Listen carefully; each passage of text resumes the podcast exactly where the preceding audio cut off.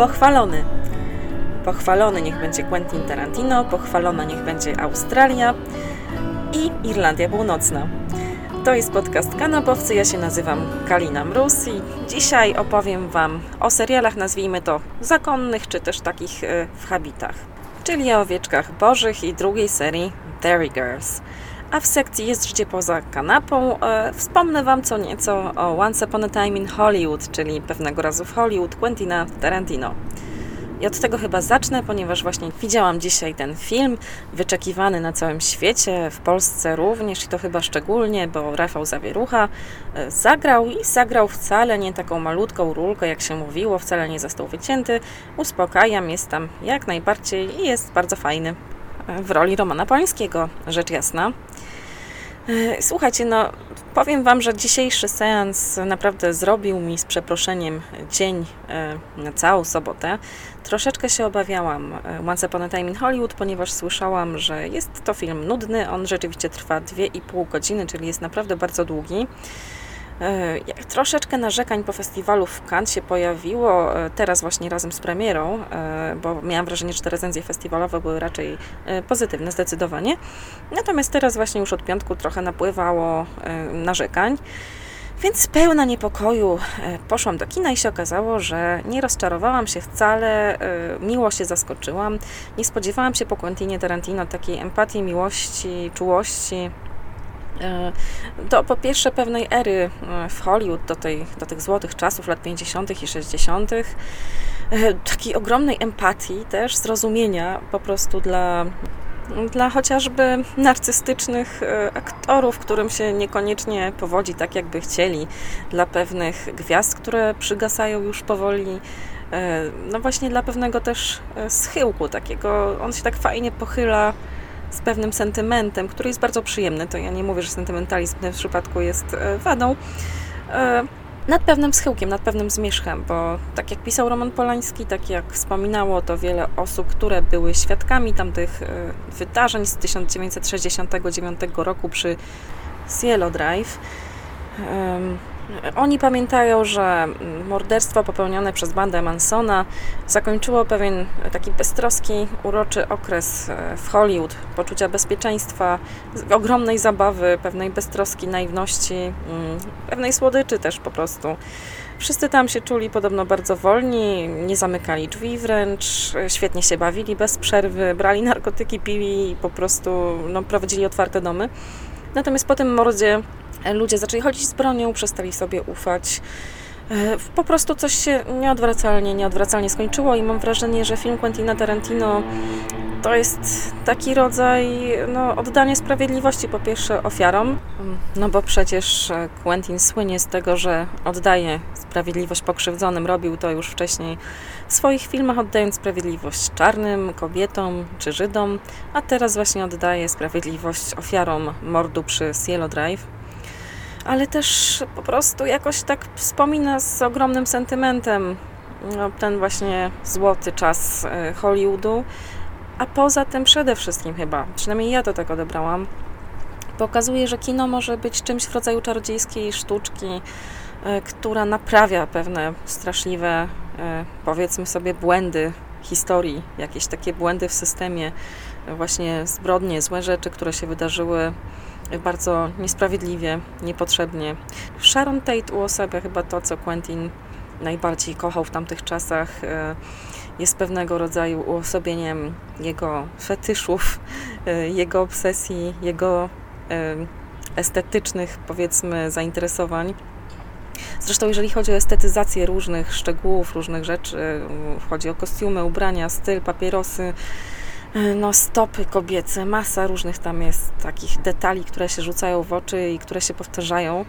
No to znamy je już troszeczkę z wcześniejszych e, filmów Tarantino i one powracają.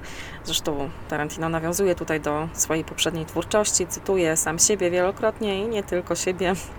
Przede wszystkim wraca, cofa się w czasie właśnie do lat 50. E, i 60 i robi to z ogromną czułością. Cały ten film w ogóle jest niezmiernie czuły, ciepły, pełen miłości, po prostu zupełnie niebrutalny. To znaczy, okej, okay, pod koniec jest brutalnie, oczywiście po tarantinowsku, czyli z przemrużeniem oka, ta, na, następuje pewna estetyzacja przemocy, ale no, w cudzysłowie, w takim tarantinowskim cudzysłowie jak zwykle. Mm, jest to prześmieszne, oczyszczające, katarktyczne, wspaniałe. E, nie, naprawdę ja przez te 2,5 godziny e, bardzo się zrelaksowałam. Nie po raz pierwszy zachwyciłam się też e, możliwościami aktorskimi Leonarda DiCaprio, zwłaszcza akurat w przypadku tego filmu. To znaczy Brad Pitt oczywiście też daje radę, jest przede wszystkim zabawny, to ma rolę komediową. Natomiast DiCaprio naprawdę ma postać taką złożoną psychologicznie. On, on po prostu bardzo świadomie z bardzo dużym też poczuciem humoru, a jednocześnie w sposób zupełnie rozbrajający przedstawia mm, właśnie takiego aktora, który musi się pogodzić z pewnym schyłkiem. I myślę, że to jest jedna z jego najlepszych ról, przynajmniej w tym dojrzałym wieku. Ja jestem fanką jego takich występów z wczesnej młodości, w, na przykład z Co gryzie Gilberta Grape'a albo z Całkowitego Zaćmienia. Z tych późniejszych ról no to właśnie myślę, że to będzie mój numer jeden Once Upon a Time in Hollywood. Mm, no naprawdę, Leonardo DiCaprio nikt mi nie powie, że to jest zły aktor. A drugą cudowną rolą jest z kolei rola Amstawki zwanej w filmie Brady, która tak naprawdę ma na imię e, Sayuri bodajże. Właśnie musiałam sprawdzić e, na Instagramie oficjalnym filmu Once Upon a Time in Hollywood. W każdym razie piesek dostał zasłużoną Palm Dog, czyli nagrodę przyznawaną psom e, na festiwalu filmowym w Cannes za najlepszy e, występ. Jestem fanką tej nagrody, zawsze śledzę i Brady Sayuri absolutnie na to zasłużyła. Zresztą Quentin Tarantino sam, sam mówił, przyjmując tę nagrodę, że on dopiero montując film zauważył, że z niej jest świetna, świetna, obiecująca aktorka i absolutnie jest bardzo dumny z tej obruszki, bo właśnie Palm Dog wygląda, ma postać obroży takiej z wygrawerowaną nazwą nagrody. Więc Quentin to e, zabrał, e, stwierdził, że on jednak zachowa dla siebie tę nagrodę, żeby no, piesek noszący jej nie zniszczył. Jeżeli będzie miał kiedyś psa, no to jego pies tę obruszkę na pewno przymierze. No ale kończąc już, kończąc już wątek Once Upon a Time in Hollywood, chciałam tylko powiedzieć, że tak, dobrze mnie ten film nastroił, że teraz nagrywam Wam podcast na balkonie, więc pewnie słyszycie e, dźwięki dochodzące do mnie tutaj na dziesiątym piętrze na Starej Ochocie samochody, samoloty, gdzieś tam w tle może nawet słychać, że ktoś ogląda jakieś takie programy w stylu jeden z dziesięciu albo tego typu rzeczy, które ludzie u mnie na dzielnicy o pewnej godzinie y, wszyscy oglądają, przynajmniej takie mam wrażenie, kiedy wychodzę sobie na spacer z psem i słyszę, y, co leci z telewizorów y, przy otwartych oknach no w każdym razie jestem w nastroju właśnie takim urlopowo-wakacyjnym i nie chciałam siedzieć w ciemnym mieszkaniu i nagrywać Wam w ciemnościach podcastu, bo pewnie wyszedłby zresztą smutno i depresyjnie. A, wracając do seriali, o których miałam Wam dzisiaj opowiedzieć, no to słuchajcie, Owieczki, Boże, produkcja australijska, zaledwie czteroodcinkowa, czyli mój ulubiony format y, krótkich miniseriali. Nie traci się połowy życia na oglądanie serialu nie zarywa się nocy, e, jest naprawdę tutaj maksimum treści minimum e, formy. Także naprawdę, no, e, zwykle najlepsze właśnie są moim zdaniem seriale krótkie, bo nie są przegadane, nie są rozciągane na siłę, są spójnymi, zamkniętymi historiami i to jest bardzo dobrze. Owieczki Boże to jest ekranizacja książki Lamps of God Marella Day, australijskiej e, powieściopisarki, która słynie z kryminałów, ale właśnie Lamps of God okazały się być wielkim bestsellerem, mimo że kryminałem wcale nie są. To znaczy wątek kryminalny tam się pojawia, owszem, ale wpleciony w zupełnie nietypową e, historię. Myślę, że kluczową rzeczą dla odbioru tego serialu jest to, że jest to produkcja australijska, wyprodukowana przez kanał Foxtel, który zupełnie jest w Polsce nieznany. W każdym razie mi mówi niewiele. Showrunnerką jest australijska aktorka, obecnie scenarzystka Sarah Lambert, znana ze serialu Szkoła Złamanych Serc a reżyseruje Jeffrey Walker, dosyć młody, 37-letni reżyser, którego film Alice Wedding można oglądać w Netflixie. To jest dosyć ciekawa komedia. Zresztą powiem Wam, że rękę to ten reżyser ma świetną, ponieważ Owieczki Boże są naprawdę znakomicie wyreżyserowane. On zrobił wszystkie cztery odcinki e, i po prostu inscenizacja poszczególnych scen, w sposób w jaki on prowadzi aktorów, to w jaki sposób on wyciąga niesamowicie dziwaczny, pokrętny mm, humor z różnych e, sytuacji Ewidentnie widać, że jest to na robotę reżysera, mm, bo tu chodzi o pewne spojrzenia, o intonację pewnych słów, o sposób, w jaki na przykład y, jedna z bohaterek y, wypowiada natchnione zdanie. No mówię, to wszystko jest bardzo takie, bardzo zgrabnie, bardzo zgrabnie zrobione. Ale zaraz, o czym w ogóle owieczki Boże są? Pewnie już widzieliście e, plakaty gdzie niegdzie, bo to jest rzecz pokazywana w HBO Go, będzie we wrześniu w HBO. Mm, I pewnie widzieliście na nim takie demoniczne trzy zakonnice i kogoś, jakiegoś takiego udręczonego mężczyznę u ich stóp. No więc rzecz to jest, no więc rzecz dzieje się na pewnej tajemniczej wyspie gdzieś na antypodach, gdzieś w Australii. Wyspa jest bezludna, mm, to znaczy nie do końca, ponieważ zamieszkują na niej tylko trzy osoby, trzy zakonnice, e, które e, no, mieszkają i prowadzą zakon świętej Agnieszki. Patronki dziewic, świętej męczennicy, która w obronie swojego dziewictwa e, straciła życie, mówiąc w skrócie ale też patronki młodych par, narzeczonych, ogólnie takich młodych zakochanych, może tak. No i święta Agnieszka to jest taka postać, którą często się kojarzy też z owieczkami. Zresztą Agnes to, z, e, to znaczy czysta, nieskalana, ale też znaczy baranek po prostu. No i rzeczywiście te nasze trzy siostrzyczki e, zajmują się po prostu hodowaniem trzody oraz e, no, prowadzeniem zielarskiego, powiedziałabym, ogrodu e, z różnymi ciekawymi bardzo roślinami o bardzo interesujących właściwościach medycznych i halucynogennych, powiedziałabym. I pewnego dnia na ich wyspę trafia, przyjeżdża w zasadzie, nie trafia przez przypadek, przybywa w pewnym celu młody i bardzo atrakcyjny ksiądz, który robi wrażenie na najmłodszej z naszych siostrzyczek. Natomiast na pozostałych dwóch już e, znacznie starszych e, no, robi bardzo negatywne wrażenie. One go podejrzewają o pewien nie, niecny cel i mają, mają sporo racji. I ten ksiądz musi za to, mówiąc wprost szczerze, zapłacić podobnie. Powiedzmy, że przechodzi podobną drogę co bohater filmu Misery. No i tutaj się już zatrzymam, jeżeli chodzi o streszczenie Wam e, fabuły, bo nie chcę Wam spoilerować. Mimo, że jest to taki serial w zasadzie też, no powiedziałabym, no nie, nie chodzi w nim tak naprawdę o to, co się wydarzy, tu nie ma jakichś szokujących zwrotów akcji, tylko raczej chodzi o to, jak to jest, jak to jest zrobione, a zrobione jest bardzo oryginalnie. Owieczki Boże to jest serial e, dziwaczny w najlepszym tego słowa znaczeniu.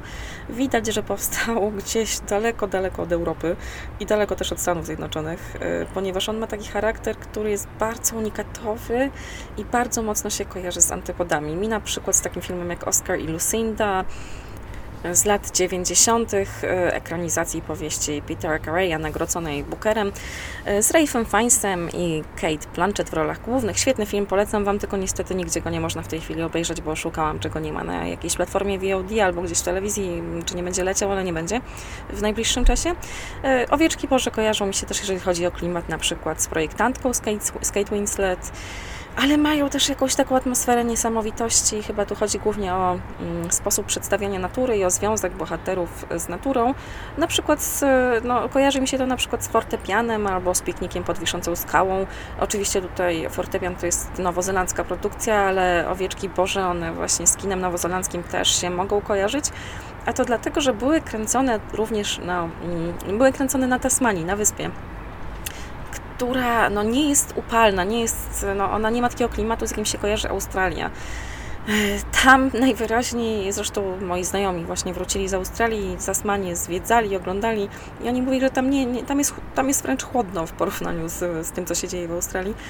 I opowiadali mi dużo o tej przedziwnej roślinności, która na pierwszy rzut oka wydaje się znajoma, wydaje się być z naszej wręcz strefy klimatycznej ale kiedy się podejdzie bliżej do jakiegokolwiek drzewa, okazuje się, że jest to zupełnie coś innego, że to, co się wydaje liśćmi, jest igłami na przykład i tak dalej, i że ta wyspa jest po prostu zupełnie zadziwiająca.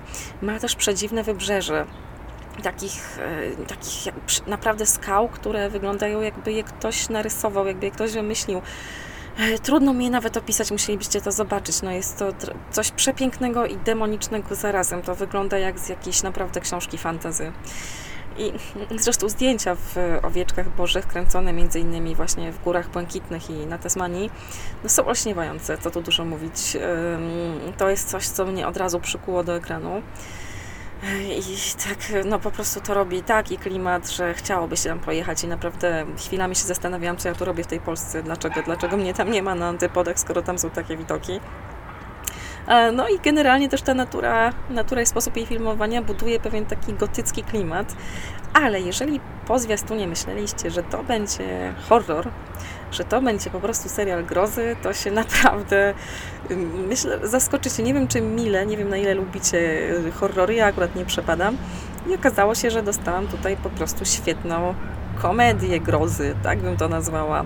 W zasadzie jakiś taki rodzaj pastiszu kina grozy, zrobiony z niesamowitą pomysłowością i werwą.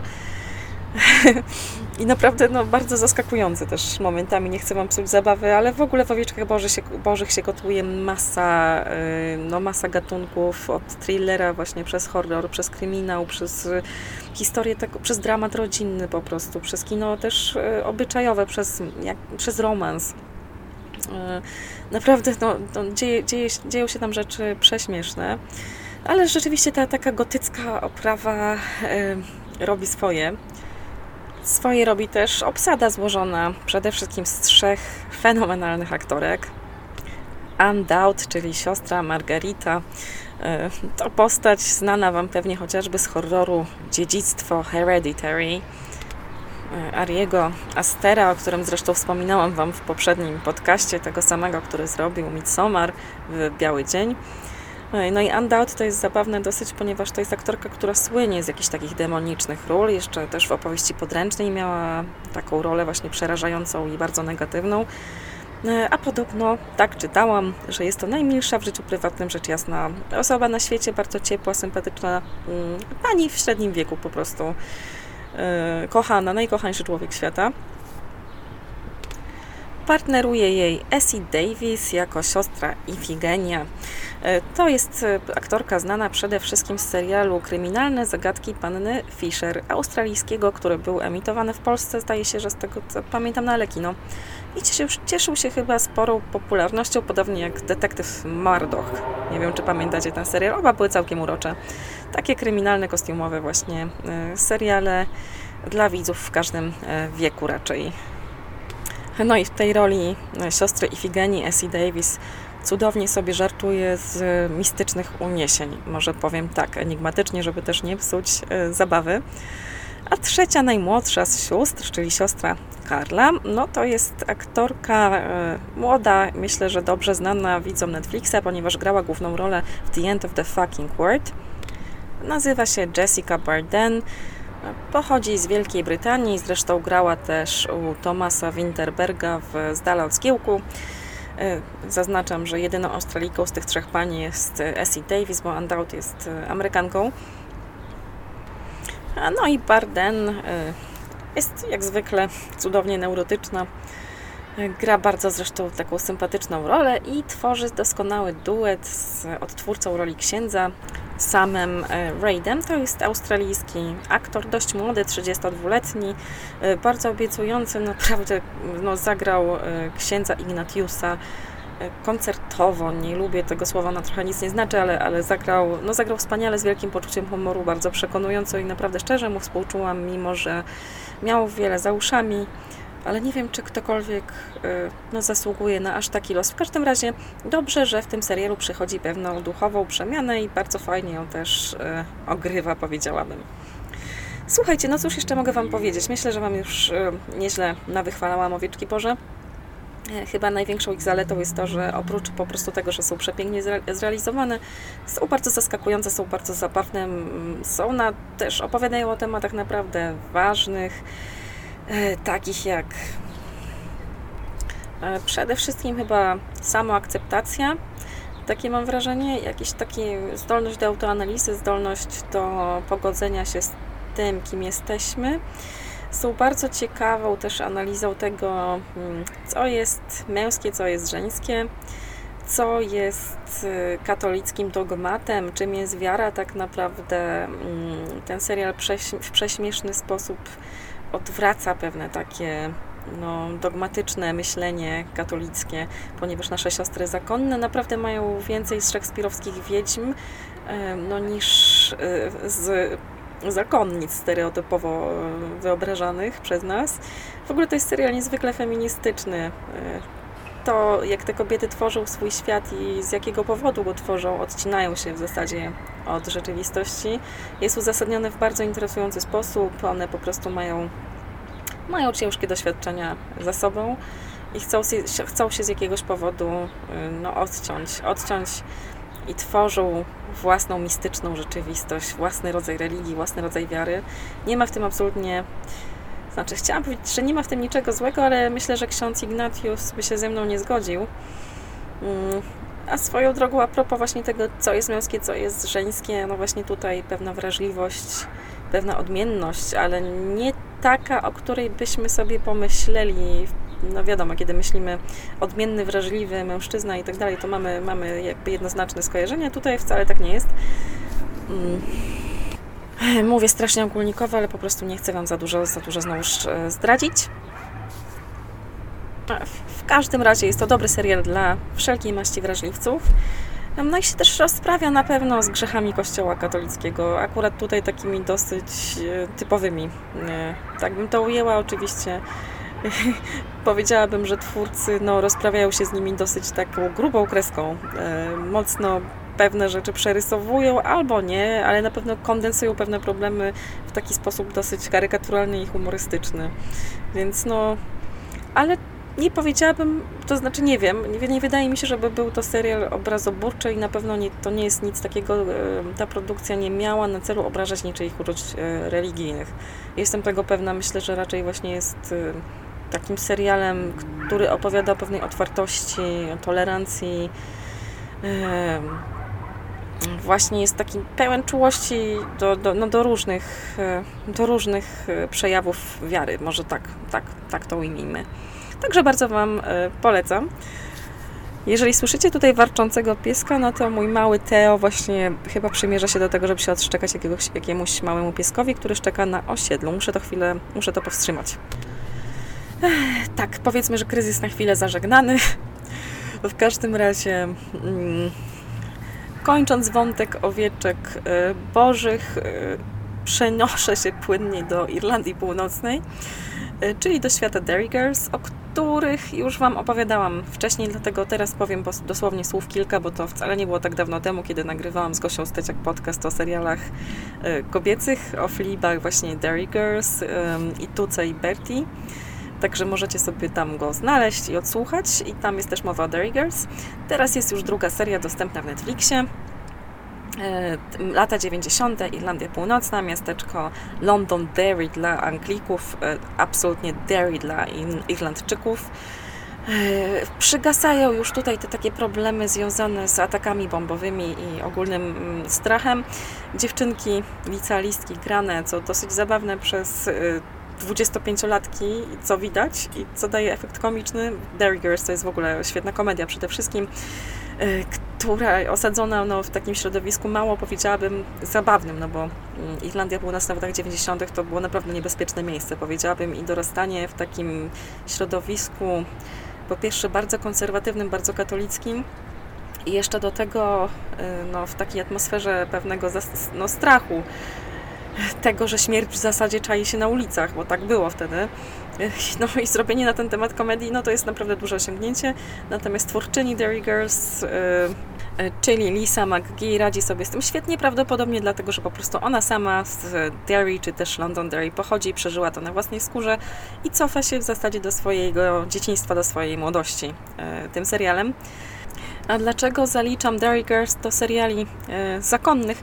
No to dlatego, że moja ulubiona bohaterka Derry Girls to jest siostra Michael, która trzyma e, żelazną, w żelaznym uścisku e, wszystkie uczennice jednego ucznia e, szkoły, w której pracuje.